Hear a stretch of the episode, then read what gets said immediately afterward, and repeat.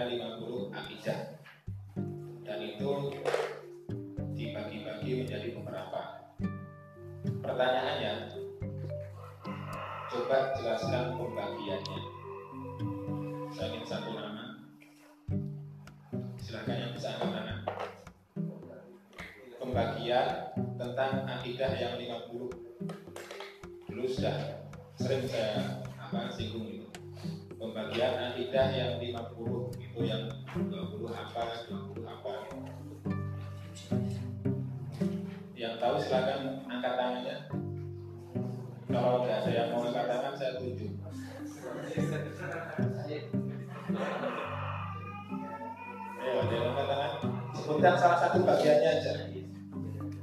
Sebutkan salah satu bagiannya aja.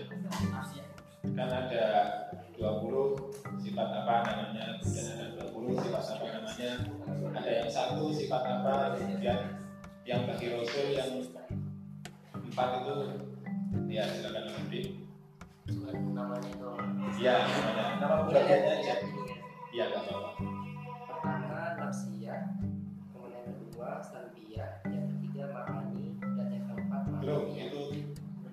itu sudah spesifik oh iya. yang masih agak umumnya lagi jadi ada eh, yang mustahil itu yang saya sebut itu yang wajib mustahil.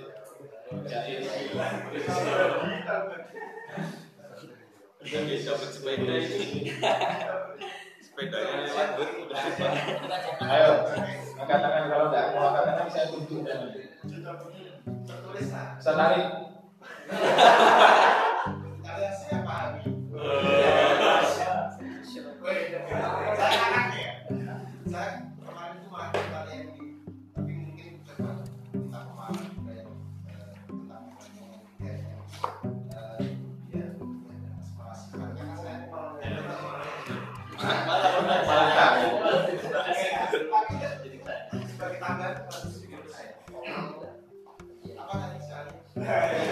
pembagiannya 50 akidah itu apa saja Karena saya kemarin nggak tahu kalau yang lima puluhnya mau nggak tahu. 50 yang itu ya yang wajib salbiyah, wajib itu tiga doang ya tiga tapi kan ada apa? Kalau yang wajib kan ada 20 Ah, Mustahil betul. 20, jaiznya satu. yang satu terus yang yang rasul sembilannya iya yang sembilannya? Sisanya? Rasul rasul. Yang rasul. Rasul. Berarti kan sudah berapa 20 20 satu 41 tinggal sembilan. Yang rasul berarti yang wajib ada empat. Empat yang mustahil ada empat. Yang jaiz ada satu. Itu udah paling dasar itu. Dari pembagian akidah yang kalau akidah yang rububiyah uluhiyah asma sifat itu bukan pembagian ini ya bukan pembagian asyariyah. Eh, apa? Pembagian akidah yang tadi dalam senar itu tentang rububiyah uluhiyah mungkin adalah asma sifat itu dia pembagian yang hanya terjadi terjadi pada tataran bahasa. Jadi dia dalam wakilnya, dalam kenyataannya itu tidak ada eh, pembagian yang seperti itu. Karena ranco ya di kalau aku bahas nanti itu akan akan ranco seperti itu. Jadi misalnya bagian dia yang akidah uluhiyah dia meyakini bahwa Tuhan itu Allah ya yang wajib disembah kemudian ada akidah rububiyah dia harus meyakini bahwa Allah itu yang mengatur segalanya kalau cuma berakidah rububiyah berarti imannya tidak lengkap tauhidnya tidak lengkap. Begitu juga ketika hanya berakidah rububiyah hanya meyakini bahwa Allah itu sebagai pengatur tetapi tidak disembah dengan benar juga akidahnya tidak lengkap. Harusnya ya semuanya gitu ya. nah ini akan terjadi muskilah akan terjadi masalah ketika kita menghubungi akidahnya orang-orang musyrik orang-orang musyrik itu kan eh, mereka menyembah berhala tapi mereka juga eh, apa tahu bahwa Tuhan yang harus disembah itu hanya Allah. Nah ini kan rancu. Artinya di sisi lain dia dihukumi sebagai bertuhan, tetapi di sisi lain dia tidak bertuhan dengan benar. Maka pembagian yang saya katakan di awal tadi dengan pembagian uluhiyah, uluhiyah itu hanya pembagian teoritis dalam bahasa. Kalau dalam wakilnya itu tidak akan terjadi. Seperti kita misalnya, uh, kita yakin bahwa Allah itu yang mengatur segalanya. Tapi kita juga dalam penyembahannya kita apa ya? Ini sebenarnya kritiknya nanti arahnya ke orang-orang yang dikira menyembah kuburan, dikira menyembah pohon-pohon, gitu ya. Dan sebenarnya ya tidak seperti itu. Jadi pembagian ilmu akidah yang uluhiyah rububiyah itu hanya pada pembagian teoritis ya teoritis secara bahasa itu ada seperti itu tapi secara wakilnya nggak ada orang yang benar-benar eh, dalam apa dalam orang musyrik saja dia dikatakan iman karena dia meyakini bahwa Allah itu Tuhan yang patut disembah tetapi dia menyembah berhala. Jadi dia setengah iman setengah kafir. Ini kan tidak ada. Kalau iman ya iman kalau kafir ya kafir. Bahkan di di surat al di surat anas saja itu Qul binas malikin nas ilahin nas. Jadi ada Rabbin nas ada ilahin nas ada malikin nas semuanya disebut. Ya.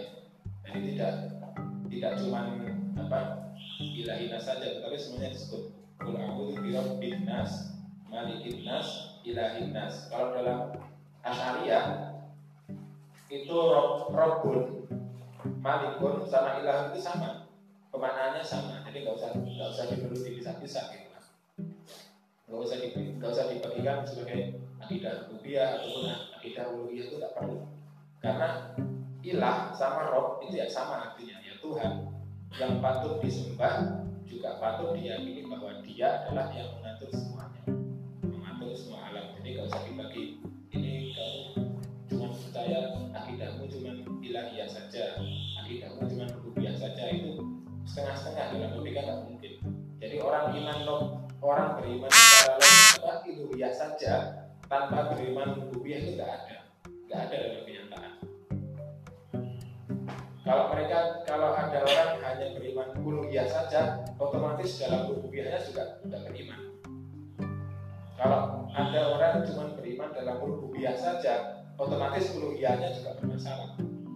Jadi nggak mungkin benar dalam satu sisi salah dalam satu sisi. Ini soal akidah soalnya kalau sudah salah dalam rububiyah pasti salah dalam makanya nggak usah dibagi-bagi karena ilah sama rob itu sama. Ya kalau mau dibagi harusnya ada apa akidah malikiyah. Kan ada ilahinas robbunas malikinas itu berarti ya itu yang saya katakan di awal bahwa pembagian uluhiyah rububiyah hanya pembagian teoritis saja. Pengertian sebatas bahasa. Secara, dalam sejarah dalam wakilnya dalam kenyataan kenyataannya tidak ada orang yang setengah beriman, setengahnya kafir itu nggak ada dalam diri manusia. Ketika dia cuma setengah iman ya berarti dia nggak iman. Ketika dia cuma setengah kafir ya berarti dia kafir beneran nggak iman. Nggak ada setengah-setengah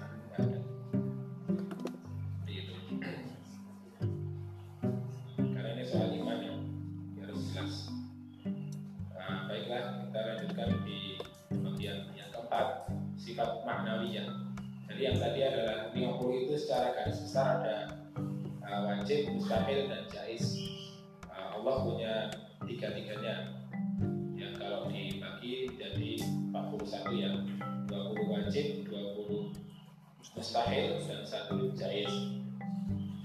Kemudian Rasul juga punya bagian tiga jadi yang wajib itu empat, yang mustahil empat, yang jais satu. Itu nanti kita masih uh, masih dalam bahasan sifat Allah. Dan yang nafsiyah, salbiyah, maknawiyah atau ma'ani adalah sifat 20 itu. Jadi 20 yang wajib itu dibagi menjadi beberapa kategori. Yang pertama ada nafsiyah, sudah kita bahas mungkin ada salbiyah, ada ma'ani dan kita sampai ada sifat maknawiyah. Yang sifat ma'ani itu ada tujuh. Ada kudrah, iradah, ilmun, ayan, sama nasor, kalam. Yang sifat maknawiyah adalah mulazimnya yang tujuh tadi. Mulazim itu apa ya? Lazim itu mesti. Jadi yang mesti menyertai yang tujuh tadi ma'ani tulis sudah saya tulis. Jadi yang sebelah kanan itu sifat ma'ani kudroh irodah sampai bawah. Kemudian yang sebelah kirinya adalah maknawiyah dia qadiron muridan aliman ayat sami'an basiran mutakaliman nah ini pembagiannya seperti itu. Jadi orang berilmu, apa orang berilmu sesuatu dikatakan berilmu pasti dia memiliki sifat ilmu ya. Ada sifat ilmunya kemudian ada ketika sifat itu menempel pada suatu zat maka zat itu dinamakan berilmu. Begitu juga dengan uh, kudroh ya, kekuatan. Kemudian iroda kehendak. Ketika sifat itu menempel pada suatu zat maka kemudian zatnya diberi diberikan nama dengan qadiran sesuatu yang mampu atau murid dan sesuatu yang berkehendak. Kalau dalam bahasa Indonesia murid itu murid itu orang yang sekolah. Ya secara bahasa memang bisa akal cuma ada sing persinggungan bahasa di situ. Murid itu orang yang berkehendak. Jadi orang yang sekolah itu ya orang yang berkehendak untuk belajar. Namanya murid. Itu diserap dari bahasa Arab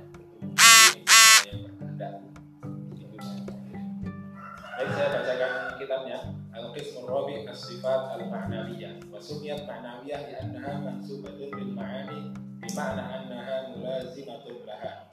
Jadi dinamakan sifat ma'nawiyah Karena dia dinisbatkan kepada sifat ma'ani. Nisbat kalau ya disandarkan ya. Bima'na annaha mulazimatun Jadi harus. Nah adapun kalau dalam sifat Allah Apakah Allah mengetahui alimun dengan ilmunya atau dengan zatnya itu perbedaan. Ada ada khilaf di situ ya. Apakah Allah e, mengetahui dengan ilmunya atau dengan zatnya Allah? Itu ada perbedaan di kalangan ulama sunnah. Ada yang mengatakan Allah itu ya berilmu dengan zatnya. Jadi tidak perlu sifat ilmu. Jadi langsung ke zat. Tidak perlu sifat ilmu Sudah berilmu dengan zatnya Allah. Karena mereka meyakini ketika ada ilmu dan ada putra, ada irodah itu akan berbilang-bilang. Nah kalau yang mengatakan bahwa Allah itu mengetahui dengan sifat ilmunya berkuasa dengan sifat putrohnya dan berkehendak dengan sifat irodahnya itu uh, yang meyakini seperti itu berpendapat bahwa ya bukan hal mustahil ketika seorang itu satu zat itu memiliki banyak sifat kan tidak mustahil. Seperti kita kita kan zatnya satu ya misalnya saya. Saya punya kehendak saya punya ilmu kemudian saya punya keinginan saya punya kekuasaan itu kan tidak, tidak mustahil. Jadi ya saya mengetahui dengan ilmu saya. Kemudian saya berkehendak dengan kehendak saya kemudian saya berkuasa dengan kudrat saya itu tidak mustahil.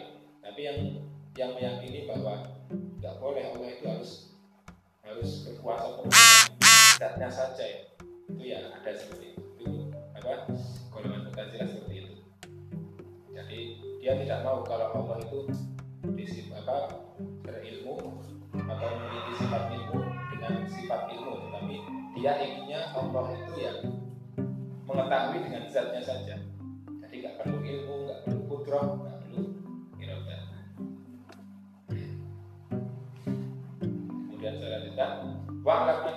al-mulazamah min at-tarafain as-sifatul ma'nawiyah hiya kaunuhu qadiran. Nah, ini kaunuhu kaunuhu semua. Jadi yang ada tambahan kaunuhunya itu adalah sifat-sifat al-ma'nawiyah. Kaunuhu qadiran wal kaun wal kaunu huwa al-thubut wa haqiqatul qadir. Nah ini sudah dibahas sebelumnya. Qadir sesuatu yang mampu Allah itu dikatakan qadir itu hakikatnya apa? Maknanya apa? Namanya qadir itu adalah al mutamakkin al mutamakkinu minal fi'li wat tarki. Jadi orang yang mampu itu dia punya mampu itu apa sebenarnya? Hakikatnya itu apa? Berkuasa ya berkuasa. Qadir itu hakikatnya dia al mutamakkinu minal fi'li wat tarki dia dia punya kemampuan untuk melakukan ataupun tidak melakukan itu orang yang mampu. Jadi dia bisa milih. Dia milih untuk melakukan ataupun tidak melakukan. Karena dia punya kemampuan dua-duanya. Seperti apa ya? Saya ingat dulu itu. Ada yang bertanya di grup itu. Jadi ketika kita mundur kan ada yang biasanya ada yang diem gitu ya. Saya ingat pesan tadi itu jawabnya itu kalau yang milih diem saya milih diem itu karena nggak hafal. Jadi milih diem karena nggak hafal. Kalau saya kalau ada yang milih diem ya ada yang milih diem karena nggak hafal. Jadi kan gini apa? Dia karena nggak hafal kemudian diem gitu kan. Bukan milih diem karena nggak hafal. Ya karena nggak mampu gitu kan. Karena nggak hafal kan terus diem.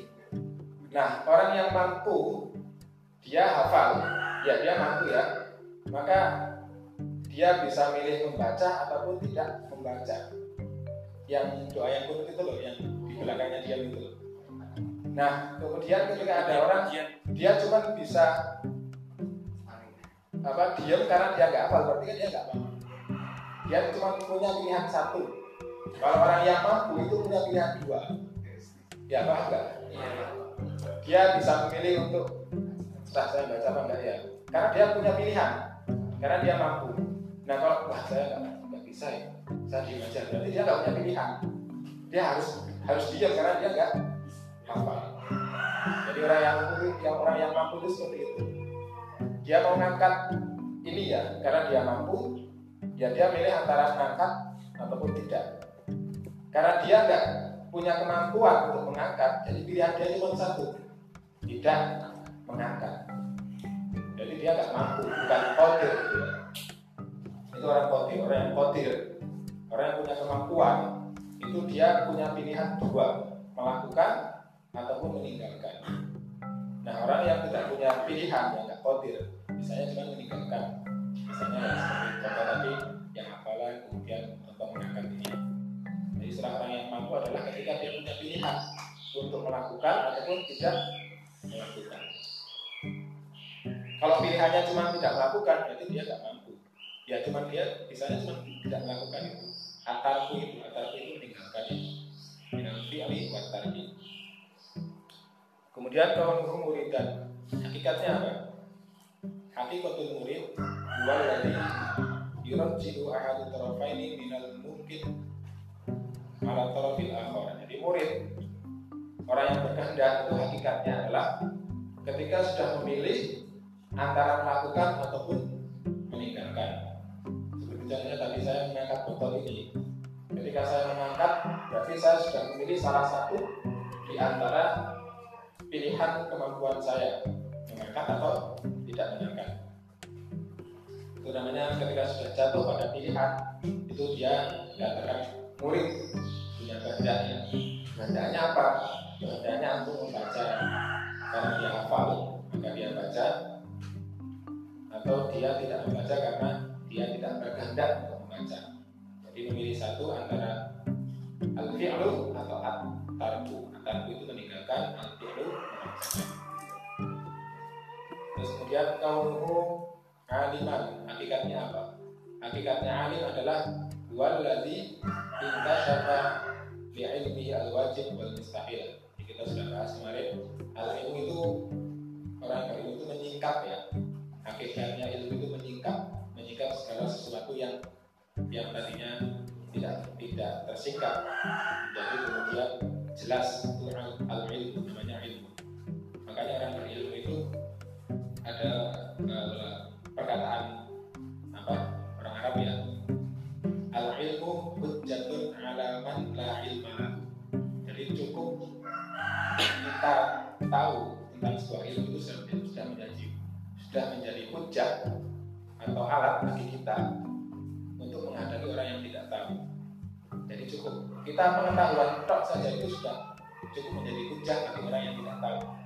Ya. Jadi misalnya ada orang yang tanya Jakarta itu di mana? Jakarta itu kamu kalau naik bis ke arah barat terus turun di terminal ini. Itu kan kita sudah tahu tentang jalan menuju Jakarta. Itu kita sudah punya hujah bagi orang yang tidak tahu tentang arah menuju Jakarta jadi al ilmu hujjatun alaman la ilma lahu jadi orang yang tidak tahu itu ya tugasnya bertanya kalau orang yang sudah tahu itu tugasnya menyampaikan ilmunya. Nah, ini banyaknya orang yang tidak tahu itu malah ngeyel. Sudah nggak tahu malah ngeyel, bukannya bertanya malah ngeyel. Ilmu adalah inkishaf, dia menyingkap ya. Nah, kalau ilmuwan, kalau ilmuwan itu dia detail, ilmunya detail ya. Yang dinamakan ilmuwan itu ya uh, ilmunya detail dan spesifik. Kalau ada yang tanya misalnya ke UGM itu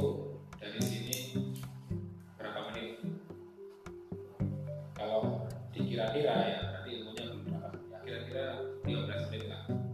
Kalau yang detail ya 15 menit itu dari mana? Jalan lewat jalan mana? Kemudian kondisinya seperti apa itu terserah.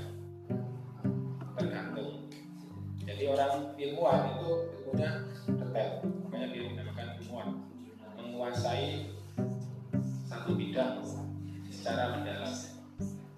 Nah, yang kuliah itu ya minimal alim dengan skripsinya.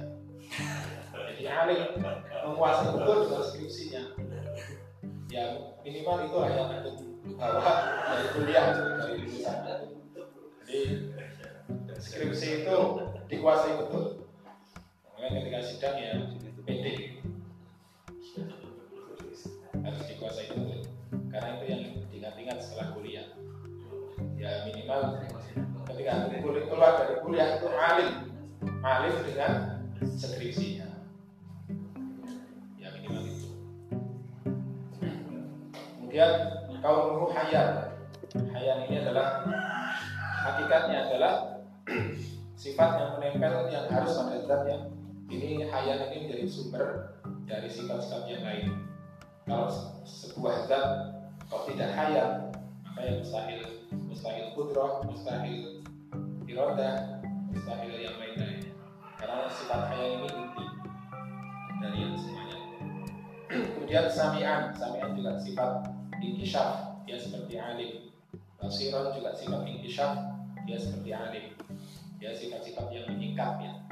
Makanya pengetahuan itu ada datang dari pendengaran ada datang dari penglihatan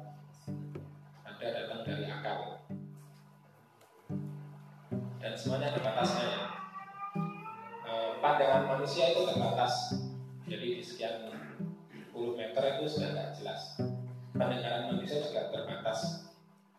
Di sekian puluh meter itu sudah tidak kedengaran. Eh, dan akal manusia juga terbatas.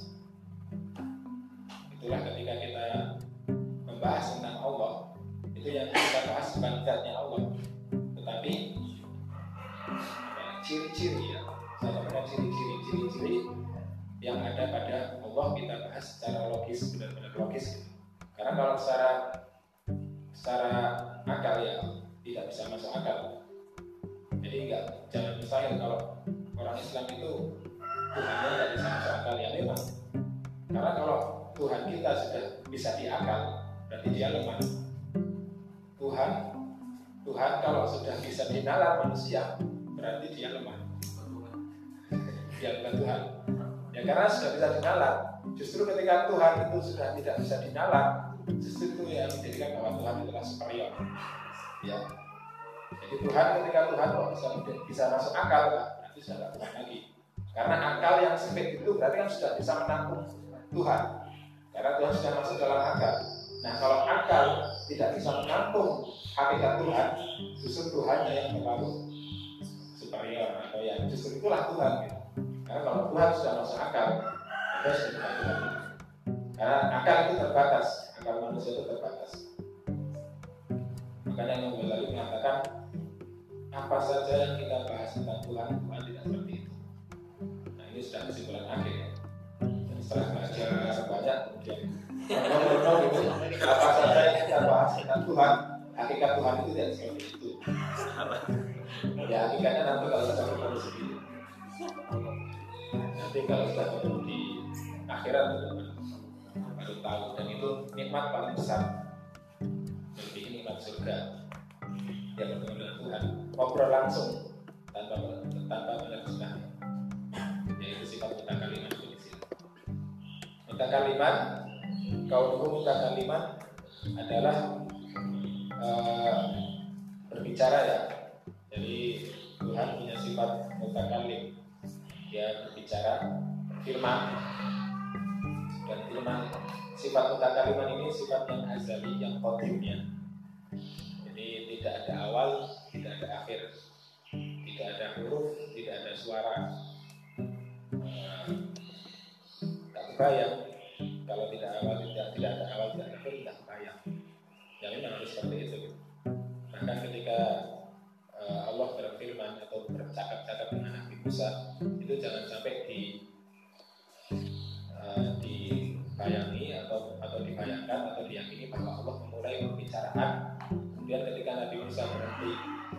kemudian Allah berhenti berbicara.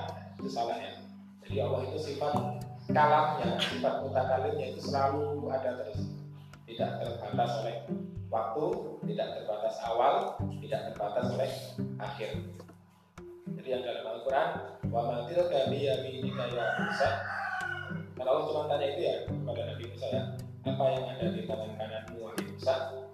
Itu kalimatnya kalau kita eh, logiskan secara manusia. Ya ada awalnya ada akhirnya. Diawali, diawali dengan wama diakhiri ya Musa itu kan akhir. Artinya ketika eh, di firman itu ya ketika belum wama berarti belum mulai. Ketika sudah wama itu tadi ya kayak Musa berhenti di Musa berarti selesai. Nah eh, kalimat yang cuman segini itu itu jangan dibatasi jangan dibatasi atau jangan disifati sebagai sifat kalamnya Allah yang yang sesungguhnya karena kalamnya Allah yang sesungguhnya itu tidak terbatas pada itu. Jadi sebelum itu ya tetap Allah berkalam. Sebelum itu Allah tetap berfirman. Sampai ke waman kabi yang Musa setelah itu juga Allah tetap berfirman. Jadi ya bukan ngomong terus tuh bukan bukan seperti itu. Ya berfirman saja. Karena kalau dibayangkan ya sangat susah ya kemudian ini di catatan ya jadi di di kitab ini itu nah, ciri khas kitab ya buku-buku dalam bahasa Arab itu ketika ada perlu ada sesuatu yang perlu dijelaskan maka ditulis di bawahnya. Ini seperti penjelas. Jadi di atas itu kalau anda lihat itu ada titik satu ada dua. Nah ini nanti ya di bawahnya ini namanya syarat syarat ya.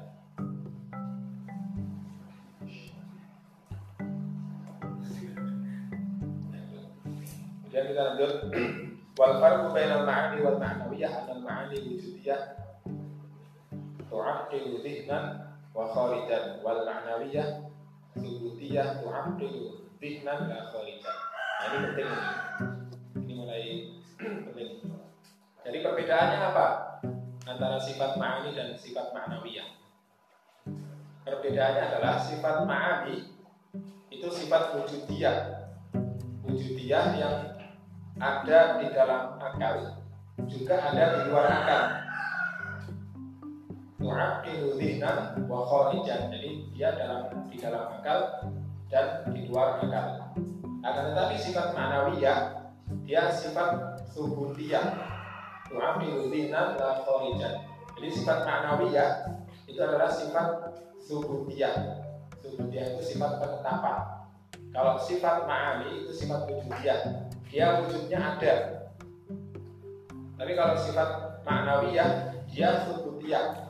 Dia hanya ada dalam akal, tetapi tidak ada di wujud nyata. Jadi di paling bawah itu saya sesuatu itu dibagi menjadi empat. Jadi ada al-wujud, al-adam, ada hal, ada amrun bi'atibari Al-wujud yang dinamakan wujud adalah sesuatu yang ada di dalam akal juga ada di luar akal. Artinya ada dalam nyata. Kalau yang al-adam tidak wujud itu sesuatu tidak ada dalam akal juga tidak ada dalam alam nyata. Nah, kemudian ada al-hal. Al-hal itu kondisi atau keadaan. Yang namanya kondisi atau keadaan itu dia lal wujud walal adam. Dia tidak berwujud juga tidak adam. Itu namanya kondisi ya. Kondisi itu kan tidak ada wujudnya. Kemudian ada amrun yang tibari amrun yang tibari itu sesuatu yang hanya ada dalam akal tetapi tidak ada dalam kenyataan ini namanya amrun yang tibari. Contohnya begini, nah, kita ya, kita ini yang amrun tibari ini penting. Saya ingin jelaskan amrun ya, amrun yang tibari. Jadi kita ini ada banyak, ada berapa ini? Ada 10 lebih ya, berkumpul dalam satu ruangan. Kemudian kita sebut kumpulan, kumpulannya. Karena ada saya, ada antum semuanya. Ini kita sebut sebagai kumpulan. Nah, kumpulan ini kata kumpulan itu dia amrun dibari dia kata kumpulan itu dia hanya ada dalam akal tetapi wujud nyatanya itu enggak ada ya yang ada itu ada yang yang hakikat ya yang ada dalam alam nyata itu ya setiap uh, person dari kumpulan-kumpulan itu. Setiap individu. Yang saya dan selalu ada sehingga dan lain sebagainya itu ada. Tetapi bentuk kumpulannya itu dia nggak nyata. Dia hanya ada dalam akal. Paham gak? jadi karena apa? Karena ketika kita ubar itu sudah ada kumpulan lagi. Kumpulannya hilang jadi makhluk yang namanya kumpulan itu nggak ada. Dia hanya ada dalam akal. Ini namanya amrun yang tibari amrun yang tibari itu perspektif ya. Di sudut pandang. Atau bisa dikatakan amrul dari adalah pemaknaan pemaknaan kita terhadap sesuatu yang nyata. Itu namanya amrul yang dibali seperti tumpukan ya tumpukan. Misalnya ada buku di sini tumpukan bukunya ada. Bukunya wujud. Bukunya itu uh, buku itu termasuk dia dalam akal ada di luar juga ada. Tetapi yang namanya tumpukan makhluk yang namanya tumpukan itu enggak ada.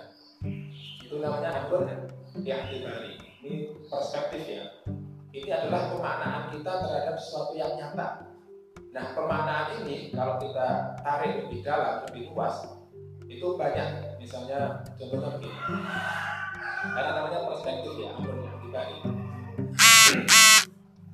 Misalnya, saya kasih contoh, contoh lagi amrun yang pribadi. Eh, ada cewek ya, cewek itu mengedipkan mata ke antum. Nah, ini cewek ceweknya itu perempuannya itu wujud dia ada dalam akal juga ada dalam kenyataan kemudian perbuatan perempuan itu mengedipkan mata. Itu juga ada dalam akal juga ada dalam alam kenyataan namanya wujudnya. Nah perspektif apa perspektif yang kita dapat itu amrun intibari. Bisa dua macam. Ketika antum dikedipi mata antum suka karena antum merasa dicintai merasa disukai karena memang ceweknya antum suka antum bahagia. Nah tetapi kalau eh, si perempuannya ini nggak istimewa bagi antum ya biasa aja. Jadi satu bentuk eh, kejadian yang nyata itu bisa menimbulkan dua makna yang berbeda. Ini namanya amrun yang berbeda karena rasa suka rasa bahagia itu kan tergantung relatif. Itu namanya amrun yang dibari contoh lagi amrun yang dibari Eh, kunci ya kunci motor. Di motor itu kan biasanya ninggalin kunci di motor. Itu ketika ada seorang kemudian diambilnya mengambil kunci dari motor kemudian disimpan itu ada dua macam. Ada yang pertama ya dia ingin apa ingin ingin mengambil ya. Kemudian yang kedua dia ingin menyelamatkan. Ini perbuatannya sama perbuatannya adalah mengambil kunci dari motor. Tetapi bisa bermakna dua bisa bermakna dia ingin menyelamatkan. Bisa dia bermakna ingin ya iseng atau ingin mencelakai ya mencelakai ya istilahnya atau menyelamatkan atau mencelakai. Nah ini namanya yang namanya menyelamatkan yang namanya mencelakai itu kan amrun yang dibari nggak ada makhluk yang namanya menyelamatkan ada. hakikatnya loh dia hanya ada dalam angan-angan atau dalam pikiran.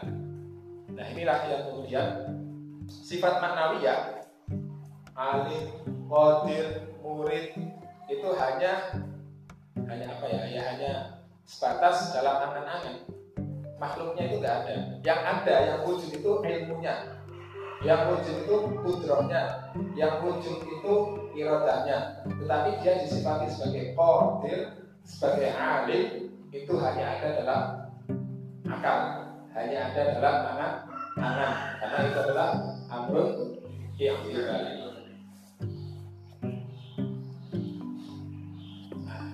itu ya. Ini agak biasa bacanya agak bingung juga.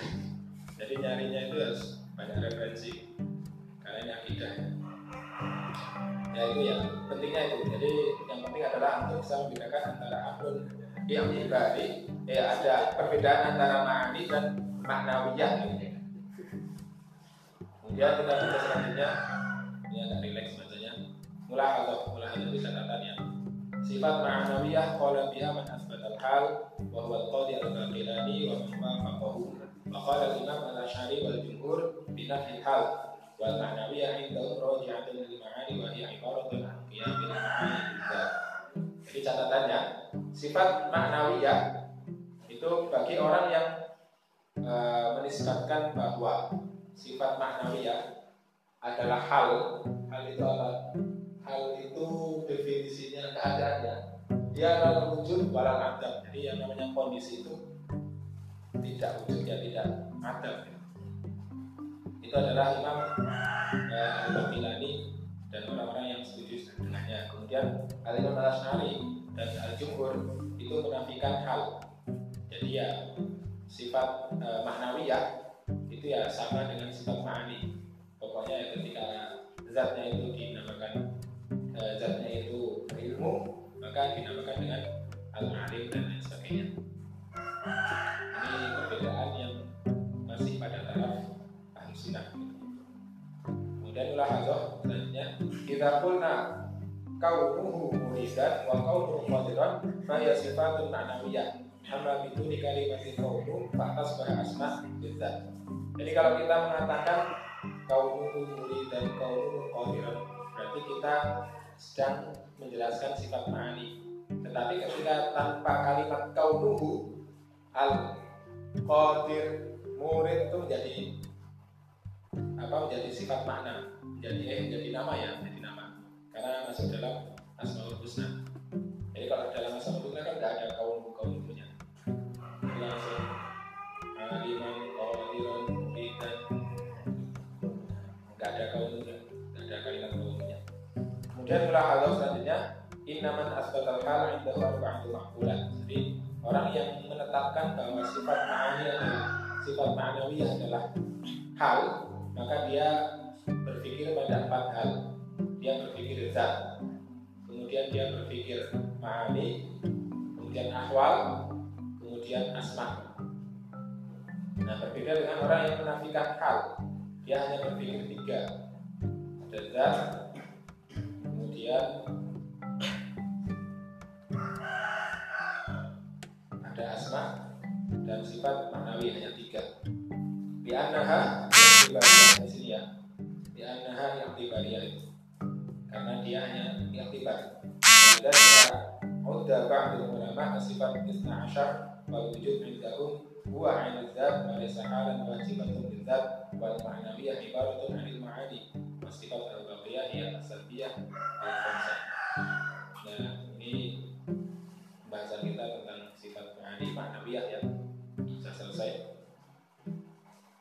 cuman terakhir sebagai catatan ini penting jadi antara sifat ma'ani dengan ma'nawiyah ketika antum e, tidak meyakininya itu ada, akan berefek kepada kekafiran. Di catatan itu yang saya garis bawah itu di satu nomor satu. Ini terakhir ya. Olima mimma qararnahu qabla an mimma qararnahu qabla anna khilaf bainal mutakallimin innama huwa fi madlulil aqwal as-sab'ah hal huwa minal ahwal au minal umur al-i'tibariyah. Jadi perbedaan para ahli kalam para, para ahli tauhid tentang sifat e, ma'ani dan maknawiyah hanya perbedaan pada sumbernya saja. Apakah dia termasuk hal ataupun dia termasuk umur i'tibariyah saja. Wa amma wujubu tilkal aqwan lillahi ta'ala wa tabaraka faqad ajma'u alaihi kulluhum wa inkaruhu kufrun. Kama sahabu bihi fatadabbar wa la tabbar wa billahi ta'ala taufiq jadi sifat ma'ani ini sifat yang qadiran muridan sampai akhir maknawiyah ya. Sifat maknawiyah ini ulama bersepakat bahwa itu wajib diyakini sebagai sifatnya Allah. Jika ada yang mengingkari maka dia masuk kepada kekafiran. Ai innaman angkar kaunullahi aliman wa kaunuhu qadiran ila akhirih fa innahu yakfur. Jadi orang yang mengingkari bahwa Allah itu alim, qadir sampai akhir. Sifat ini ya, sifat maknawiyah itu yang paling kiri yang kiri. Maka dia ketika mengingkari maka dia kafir. Amalau qala inna kaunuhu ta'ala aliman laisa illa maksud bisofihi ta'ala bisifati ani fahadal khilaf. Ya la yatarattab alaihi syai'un. Jadi ketika ada yang uh, tidak meyakini bahwa Allah itu alim dengan ilmunya atau dengan zatnya jadi perbedaan antara Allah apakah Allah itu alim dengan ilmunya atau alim dengan zatnya itu perbedaan yang tidak berefek kepada kekafiran. Fal ijma waqi'un alaihi. Jadi ijma ulama itu terjadi ketika orang itu menafikan sifat maknawiyah bagi Allah. Jadi Allah itu alim, qadir, muridan, sami'an, basiran, menggunakan lima. Ketika dia mengingkari itu, itu maka dia kafir.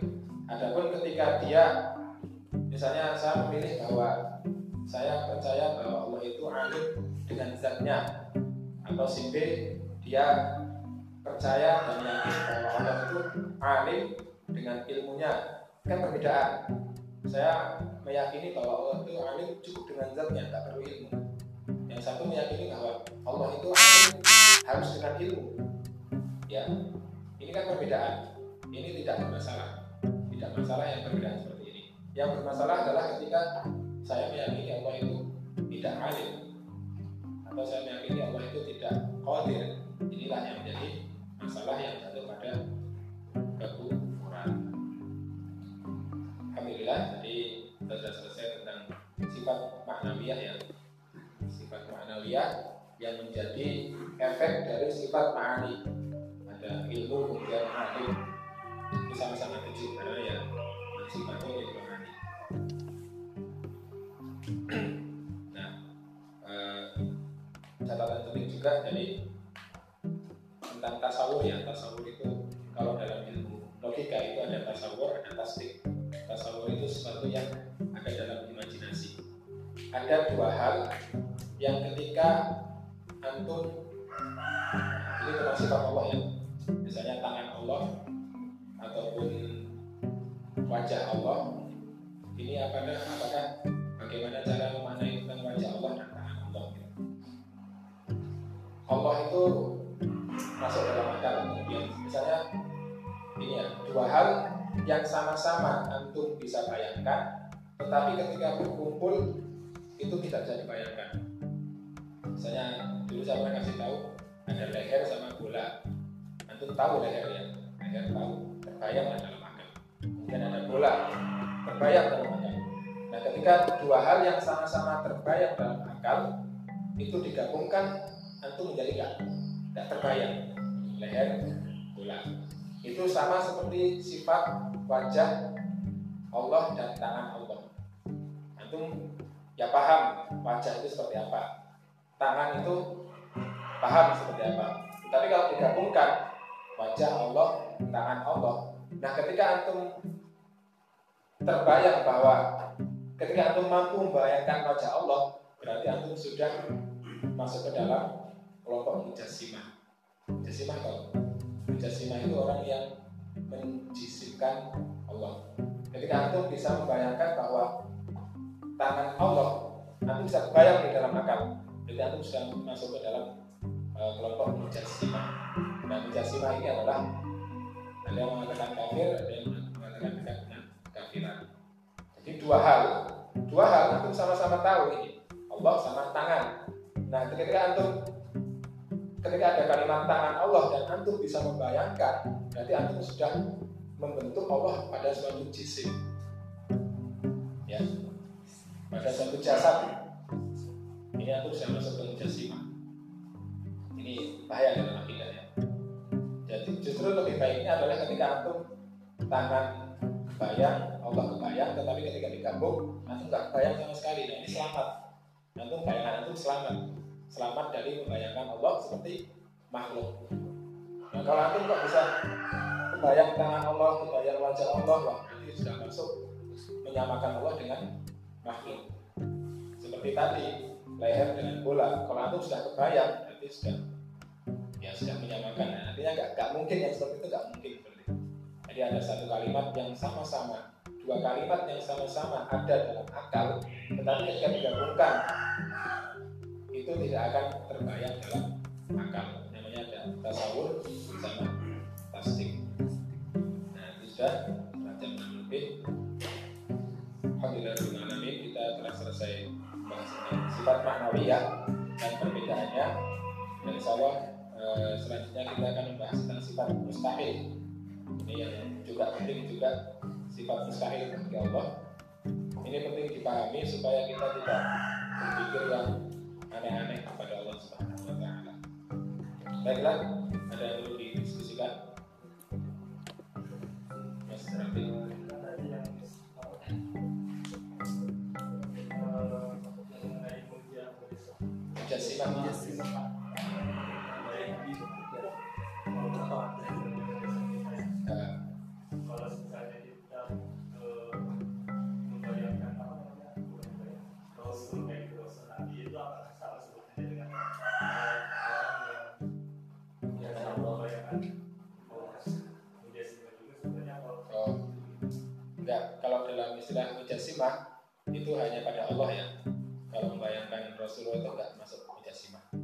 Jadi mujassimah itu kelompok mujassimah adalah orang-orang yang mampu membayangkan Allah sebagaimana seperti jasad. Seperti Allah tunjuk, kemudian Allah turun.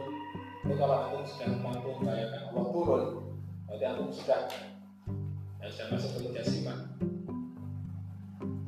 Dan itu ya itu susah ya, karena kadang ketika ada kalimat Allah turun dari langit juga kebayang itu sesuatu yang turun. Padahal ya sebenarnya nggak boleh kayak gitu. Kalau yang Rasul nggak ada. Kalau kita bayangkan Rasul dengan uh, rambutnya agak panjang, kemudian kulitnya putih, kemudian uh, hidungnya seperti alif itu enggak enggak termasuk mujassimah. Jadi istilah mujassimah hanya istilah dalam akidah yang merujuk dengan makna membayangkan Allah berjisim atau berjasa atau seperti makhluk yang lainnya. Jadi itu mas ya. Kalau yang rasul nggak ada. Baik, ada lagi? Kalau nggak ada, nah kita cukupkan dan semoga apa yang kita pelajari hari ini bermanfaat. Jadi, untuk pertemuan selanjutnya kita bahas tentang sifat mustahil. Sifat mustahil ini uh, lawannya dari sifat 20 yang wajib. Lawan dari sifat yang wajib. Baiklah, Alhamdulillahirrahmanirrahim. Uh, mari kita tutup pertemuan ini dengan membaca doa kafaratul majlis. Subhanallahumma wa bihamdika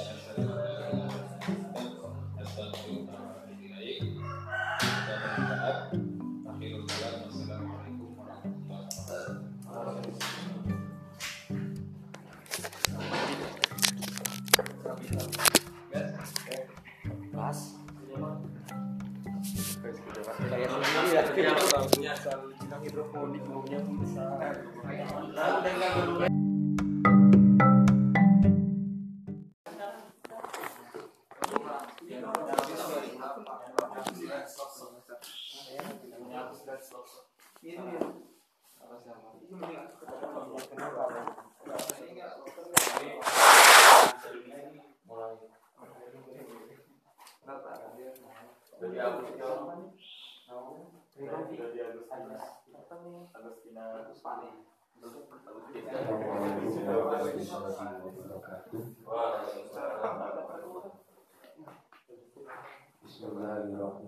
الحمد لله رب العالمين. والصلاة والسلام على رسول الله وعلى آله وصحبه ومن والاه. اللهم صل على سيدنا محمد الفاتح لما أولك والخادم لما سبق. ناصر الحق بالحق والهادي إلى صراطك المستقيم. وعلى آله حق قدره وكتاب العدل عما بعد الحمد لله رب العالمين. Pada kesempatan kali ini kita masih diperkenankan untuk uh, berjumpa kembali dalam rutinitas ngaji Sabtu pagi. Insya Allah kita akan lanjutkan ngaji kita berikan karya Ibnu Athaillah Arsakan dari Sebelum itu kita baca Fatihah terlebih dahulu. Al-Fatihah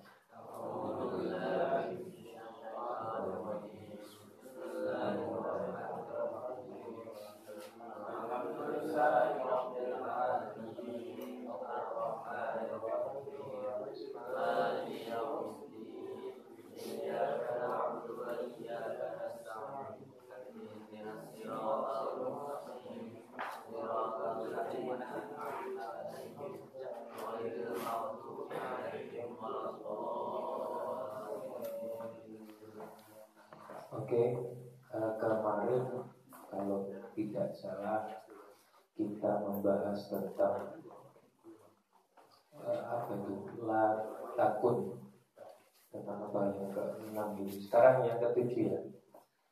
Hikmah yang ketujuh. Kalau kemarin tentang ijtihaduka itu ya. Fi ma'duminalaka tentang eh, usaha kalian, usaha kita yang bersungguh-sungguh itu jangan sampai menyebabkan kita berputus asa ya. Kita berdoa tetapi kok tidak kesampaian maka jangan sampai membuat kita putus asa. Nah, yang ketujuh sekarang ini tentang ya sama halnya ya masih ada kesamaan dengan yang sebelumnya. Di sini Ibnu Athaillah memesankan kalau kemarin jangan putus asa, sekarang jangan ragu-ragu. Saya bacakan makalahnya la yusyakkikan naka fil wa'di adamu wuqu'il maw'ud wa in ta'ayyana zamanuhu li'alla yakuna dhalika qadhan fi basyiratika wa ikhmadan li nuri sariratika la yusyakkikan naka jangan sekali-kali kamu meragukan syak ya. Dari kata syakun. Kamu tuh jangan sekali-kali meragukan fil meragukan apa? Janji Allah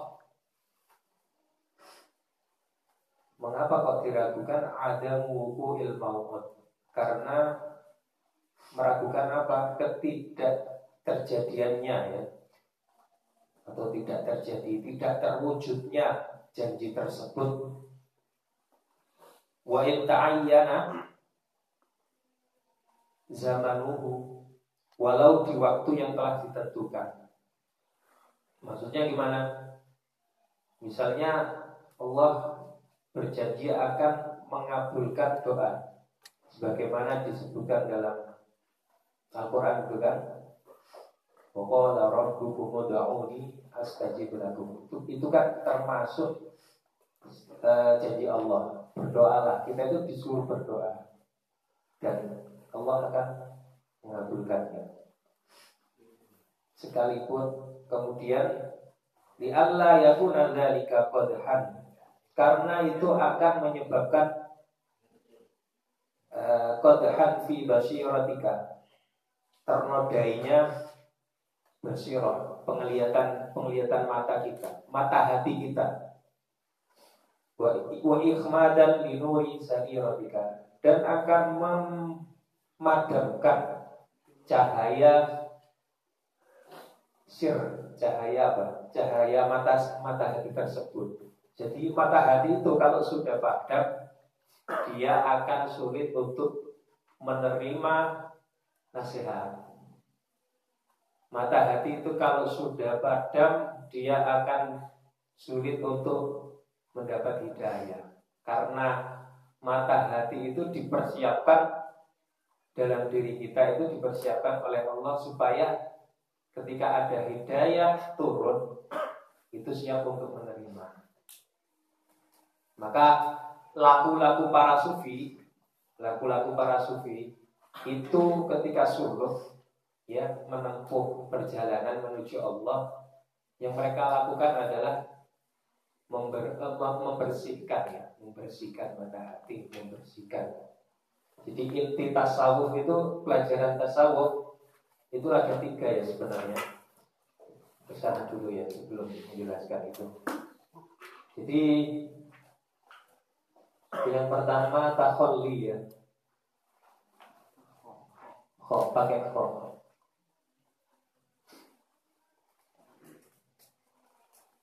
takholli yang kedua tahali. Pakai H yang ketiga baru saja. Sebenarnya ini saja sih orang-orang bertasawuf itu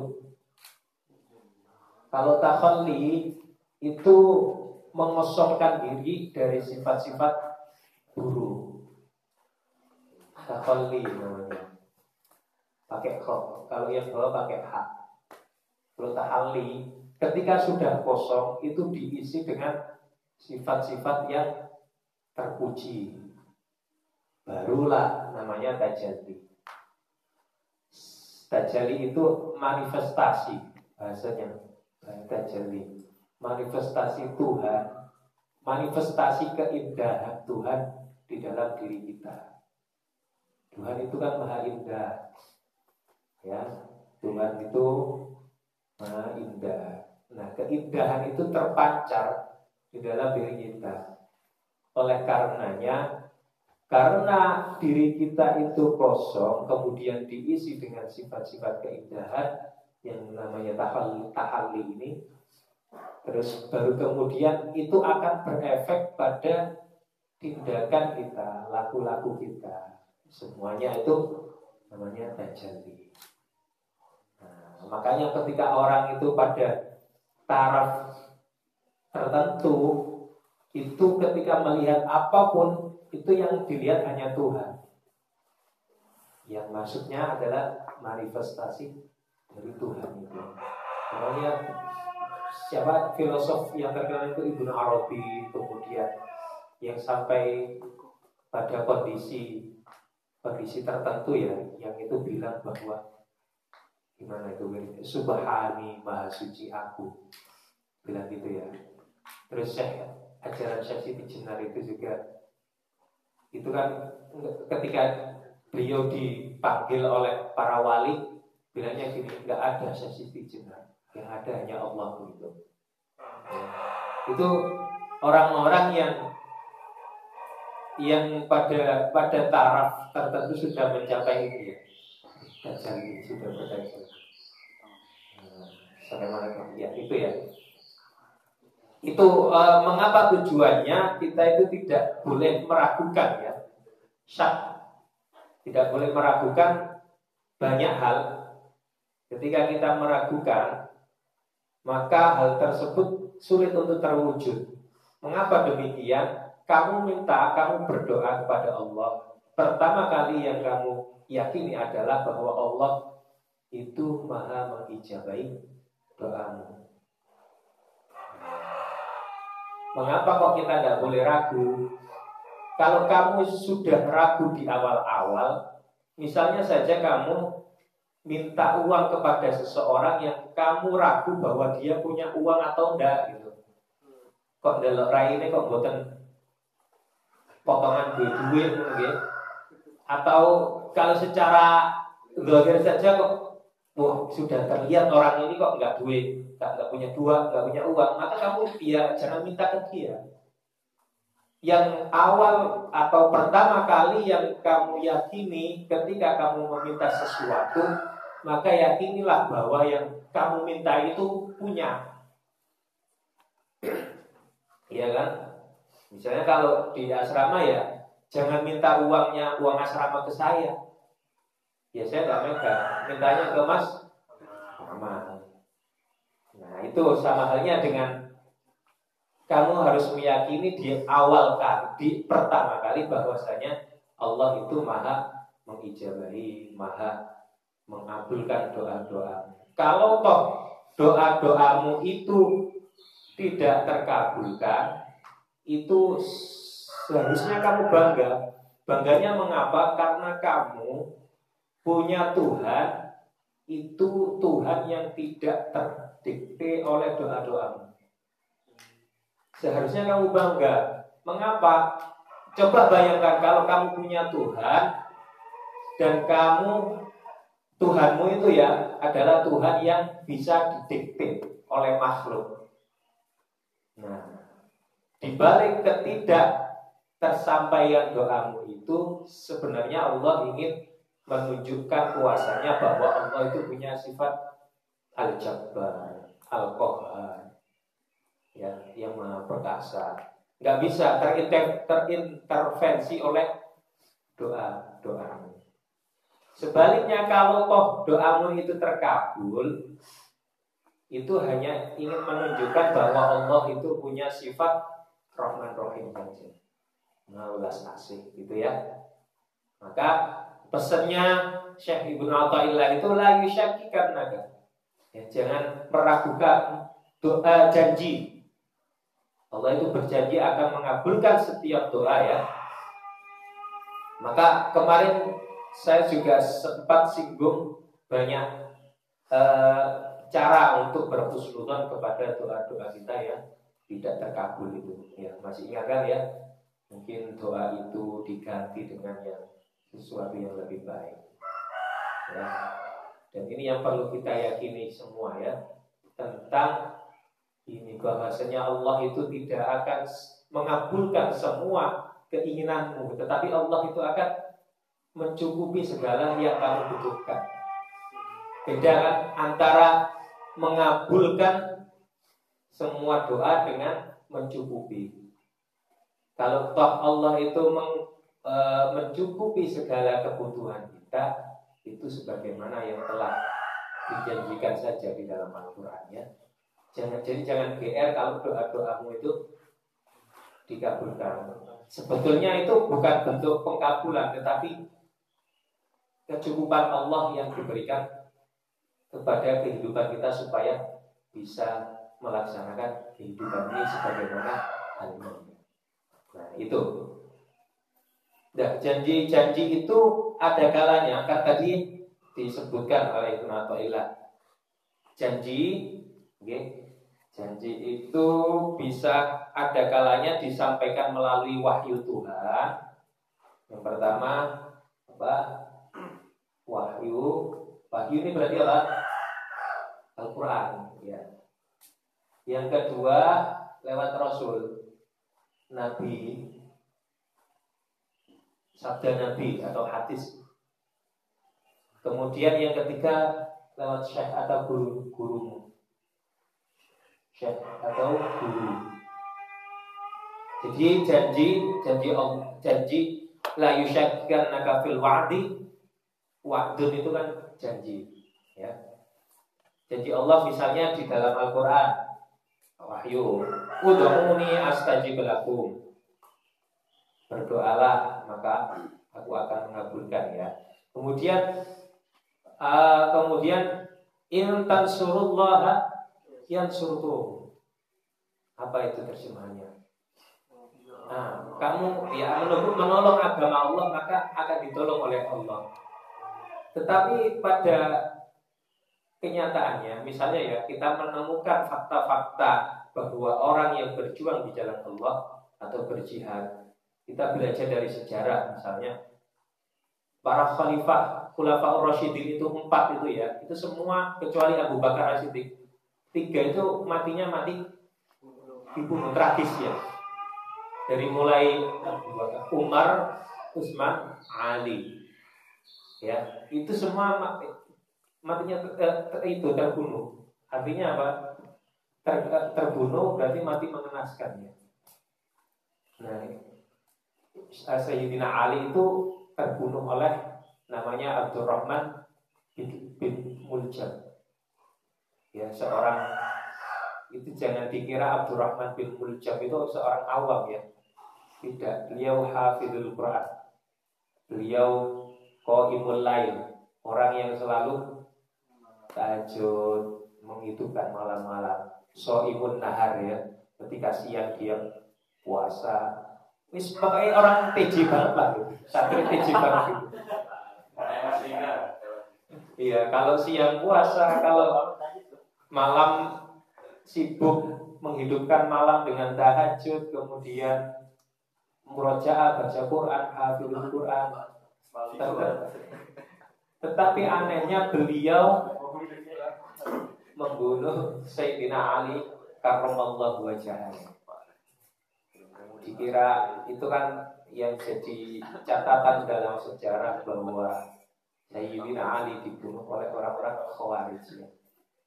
Nah, orang-orang Khawarij termasuk ya orang-orang Khawarij itu terwakili oleh Abdurrahman bin Muljam. Dalam sejarah kan mengapa kok Sayyidina Ali itu dibunuh karena di di, disangka atau dituduh Sayyidina Ali itu tidak menjalankan hukum Allah dalam ayat wa malam yahkum bima anzalallah faulaika humul kafirun faulaika humul fasikun faulaika humul dzalimun wa malam yahkum ya barang siapa tidak berhukum kepada hukum Allah maka dia kafir dolim kemudian fasik.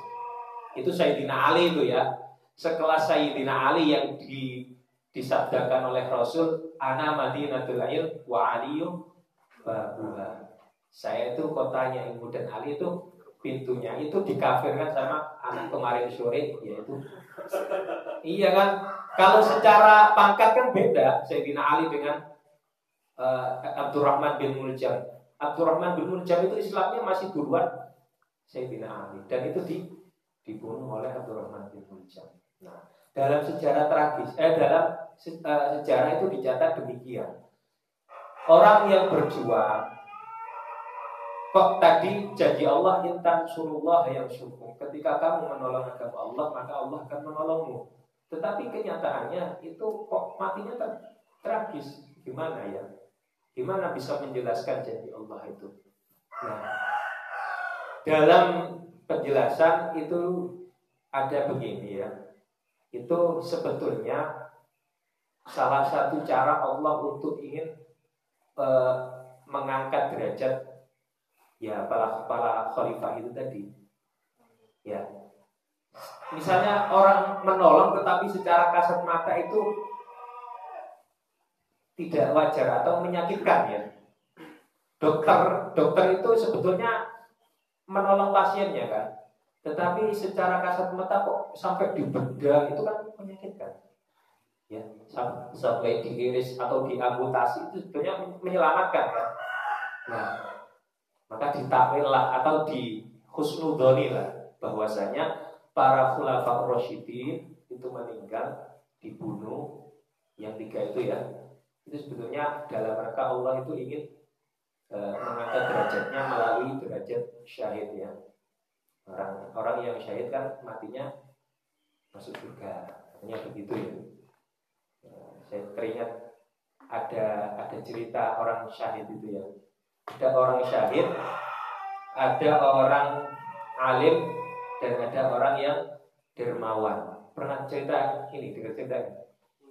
Nah, jadi tiga orang ini pas mau masuk surga itu dulu-duluan.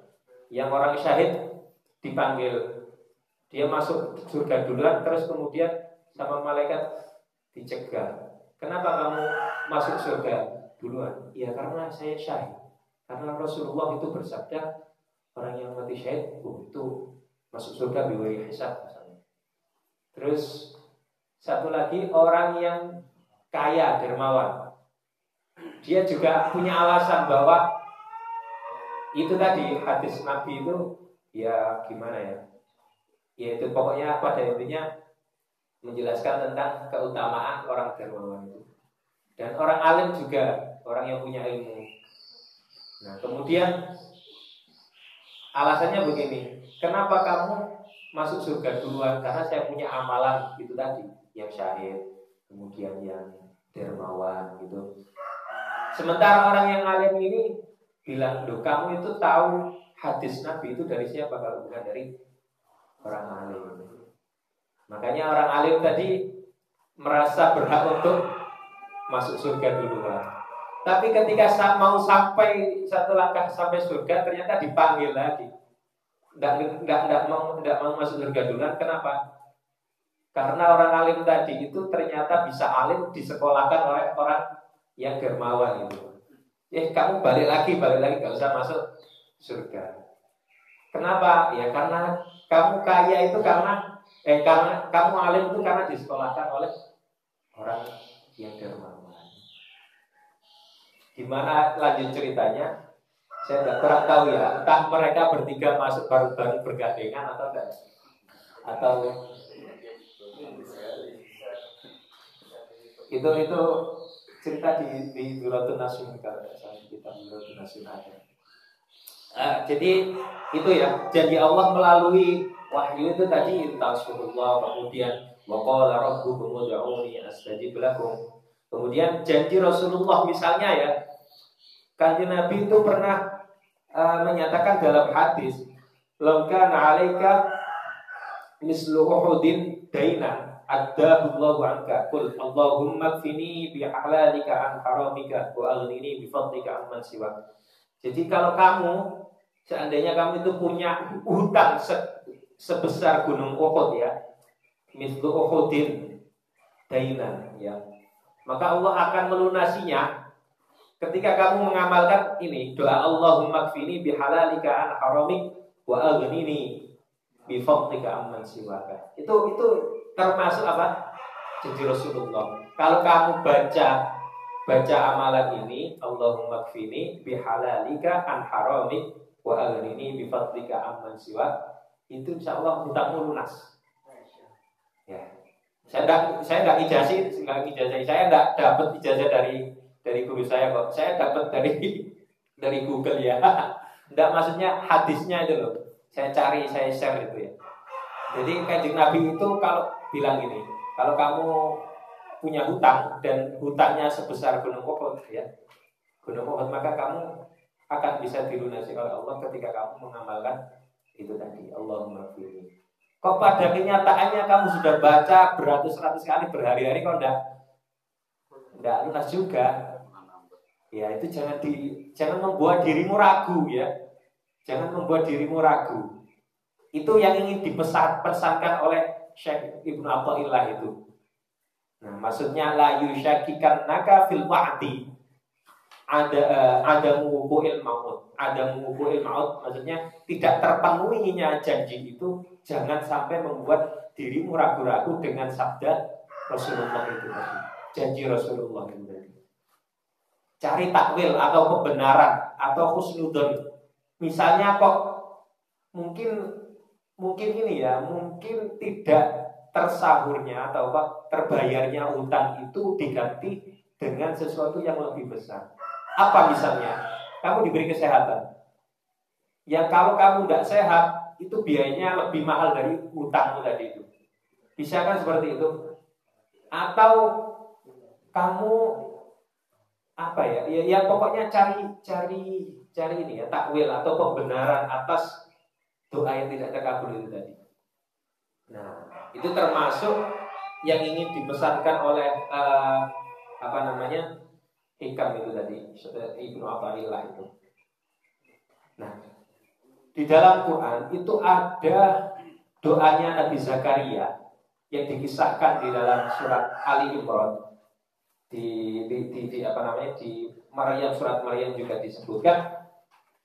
Inna ada rabbahu nida'an khafiyya Qala rabbi inni isi isi doanya.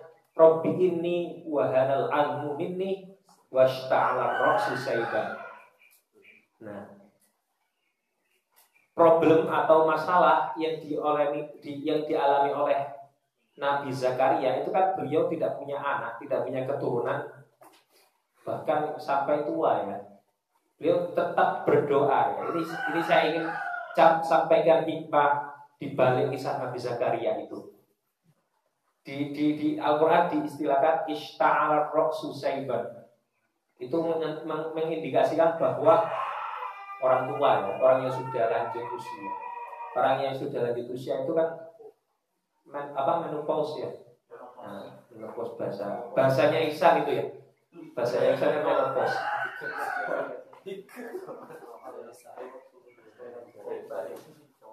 Uh, Ista'ala ra'su syaitan Sudah tua Sudah apa namanya Beruban rambutnya Nah nggak mungkin bisa punya keturunan Nah tetapi Tetapi Beliau dikabarkan dengan Ya Zakaria inna nubashiruka bi gulamin ismuhu Yahya. Nah, lam naj'al lahu min qablu Yang tidak pernah ada nama sebelum nama Yahya. Jadi nama Yahya itu pertama kali dipakai ya ketika ketika uh, anaknya Nabi Zakaria itu diberi nama Yahya lam naj'al lahu min qablu Nah, di di surat yang lain di Ali Imran itu Nabi Zakaria berdoanya di mana coba? Di mimbarnya Siti Maryam, eh, di mihrabnya, di mihrabnya. Iya itu ya. Hunalika da'a Zakaria rabbah. Qala rabbi habli min ladunka dzurriyyatan thayyibah. Itu ada kata dzurriyyatan thayyibah itu ingin keturunan yang yang yang, yang baik di juz 3 itu ya. Nah, terkadang itu ya mihrabnya para aulia. Mihrab itu tempatnya ya. tempatnya para aulia munajat itu malah tempat-tempat yang mustajab. Saya mendengar cerita ini ya, mendengar cerita dari Kiai Muqtasid Al Ghazali. Itu ketika pemilu berapa? 2015 itu ya. Yang kemarin 14 ya. 14 2014 yang Pak Jokowi sama Pak Prabowo itu datang ke datang ke Mbak Maimun juga almarhum. Tahu ceritanya? Nah, Pak, Pak, Pak Prabowo itu minta didoakan sama Pak Mbak Maimun. Didoakan sama Mbak Maimun terus kemudian ketika Pak Jokowi datang dan didoakan disuruh masuk kamarnya. Katakanlah Hunalika da'a Jokowi Robba misalnya gitu ayatnya di sana kamu berdoa. Doa di sana akhirnya 2014 ya Pak ya. Ya, ya terkadang terkadang mihrab mihrab orang soleh tempat-tempat orang soleh bermunajat itu uh, mustajab makanya sampai jangan sampai masuk kamar saya ya. Kamarnya Ustaz Arif itu wah itu.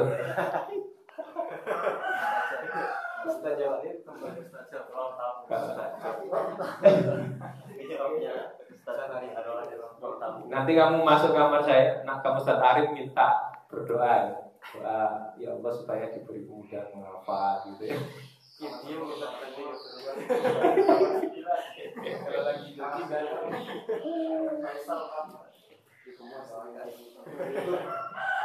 tentang anu ya, uh, uh, apa namanya janji Allah kalau yang melewati Rasul ya.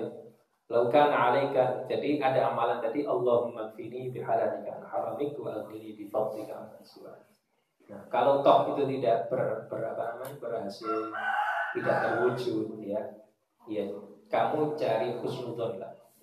Kemudian yang yang dari syekh atau guru, dari syekh atau guru itu misalnya ada perkataan atau apa ya amalan dari Imam Abu Hasan Asyadiri ketika beliau berpesan kalau ingin kalau kamu ingin mimpi Rasulullah maka baca doa uh, man qala 'inda naum a'udzu billahi minasyaitonir rajim bismillahirrahmanirrahim khamsa marrat. Berapa? Lima lima kali.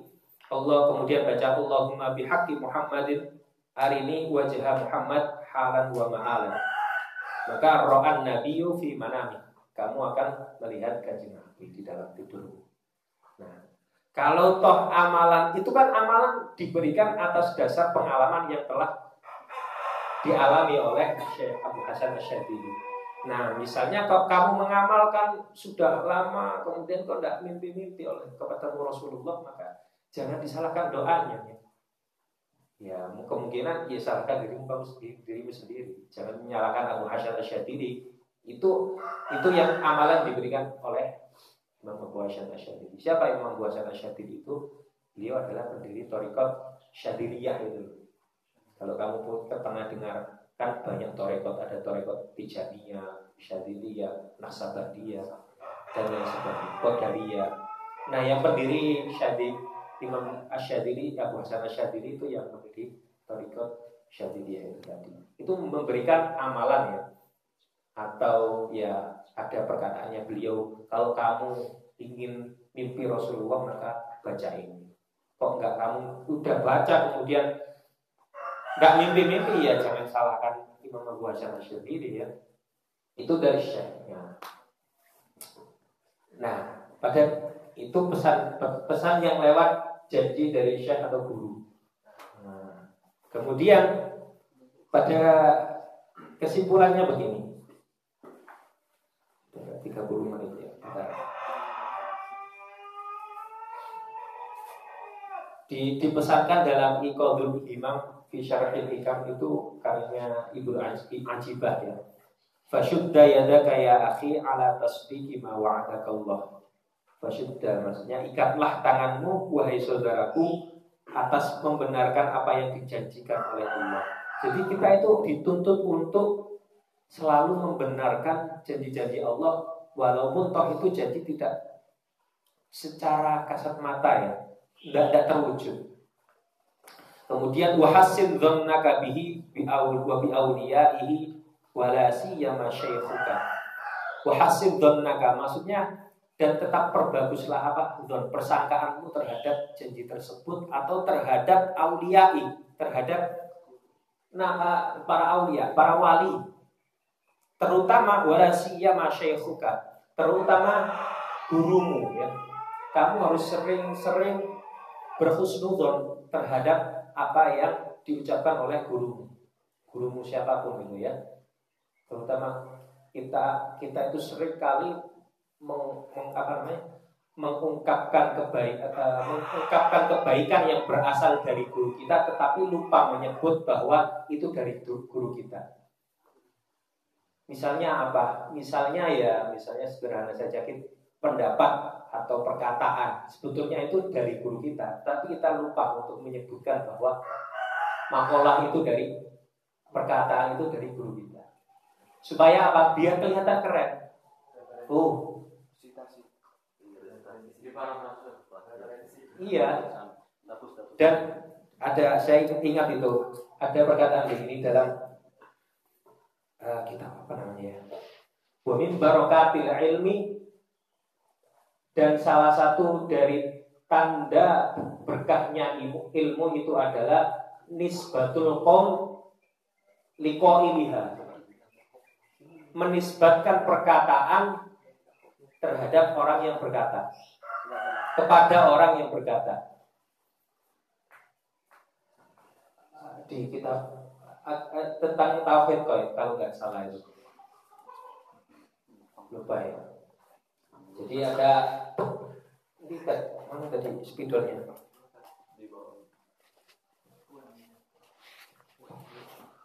Saya tuliskan ini bisa jadi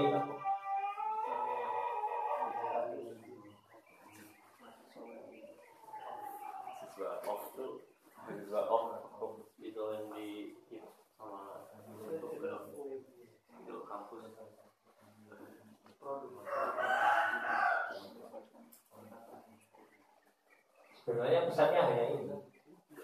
Nah, nisbah menisbatkan. Kauli Liko iliha.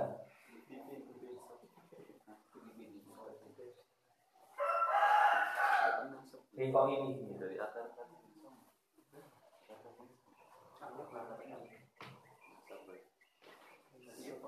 itu itu termasuk adab ya termasuk tata krama yaitu menisbatkan perkataan terhadap orang yang berkata.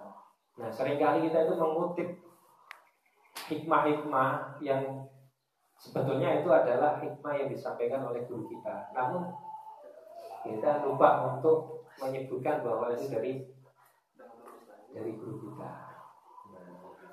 Oh di dalam dunia akademik saja harus disebutkan ya. Kita harus mengutip di mana. Kalau enggak namanya lagi Asia. Nah itu. Wa hasil dzannaka bi wa bi awliyai wa la siyama syaykhuka. Fa iyyaka an tudmiral an tudmirat takdziba aw syakka fa yakunu dzalika qadhan fi basiratika. Ya kalau kamu itu sampai ragu apalagi sampai takdzib ya, maka mendustakan. Mendustakan itu tidak percaya dengan janji-janji itu. Itu akan menyebabkan qadhan fi basiratika. Cacatnya atau ternodainya uh, basirahmu itu. Waqad yakunu sababan fi tamsiha wa yakunu aidan ikhmadan wa itfa'an linuri sariratika. Fatarji'u min haitsu ji'ta. Disebutkan fatarji'u min haitsu ji'ta. Engkau sama halnya dengan tarji'u min haitsu ji'ta. Mengulang kembali dari mana engkau memulai. Maksudnya gimana? Apa yang sudah kamu usahakan itu sia-sia, nol. Kamu kan berusaha untuk membersihkan hati atau membersihkan nur apa basiroh itu tadi ya melalui amalan setiap hari misalnya sholat itu sebenarnya dalam dalam rangka untuk itu tadi membersihkan basiroh itu tadi Nah kalau kamu menanamkan keraguan-raguan atau sampai mendustakan itu sambalnya kamu itu sedang usahamu itu semua sudah nol gitu. Tidak ada artinya lagi. Kamu mengulang fatarji'u min haitsu jita. Engkau kembali dari mana engkau datang. Atau watahdimu kullama banaita. Atau kamu merubuhkan apa yang sudah kamu bangun. Itu sama halnya kamu menghancurkan pondasi yang selama ini kamu bangun. Selama ini kamu itu berusaha untuk membersihkan basirohmu itu melalui sholat, melalui puasa, melalui baca Quran. Itu dalam rangka untuk membersihkan basirah itu. Nah, namun, namun ketika kamu ada perasaan syak, ada perasaan ragu-ragu, apalagi sampai mentakdir, mendustakan, tidak percaya dengan janji-janji, itu sama halnya kamu memulai dari awal lagi.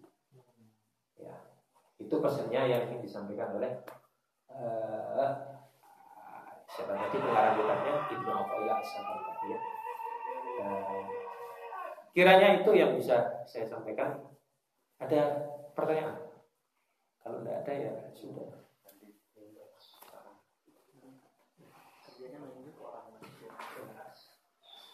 Sudah ya? Oke. Okay.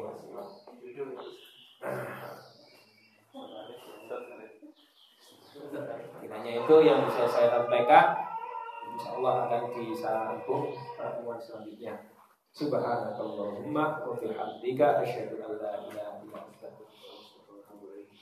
Assalamualaikum warahmatullahi wabarakatuh. Waalaikumsalam warahmatullahi wabarakatuh.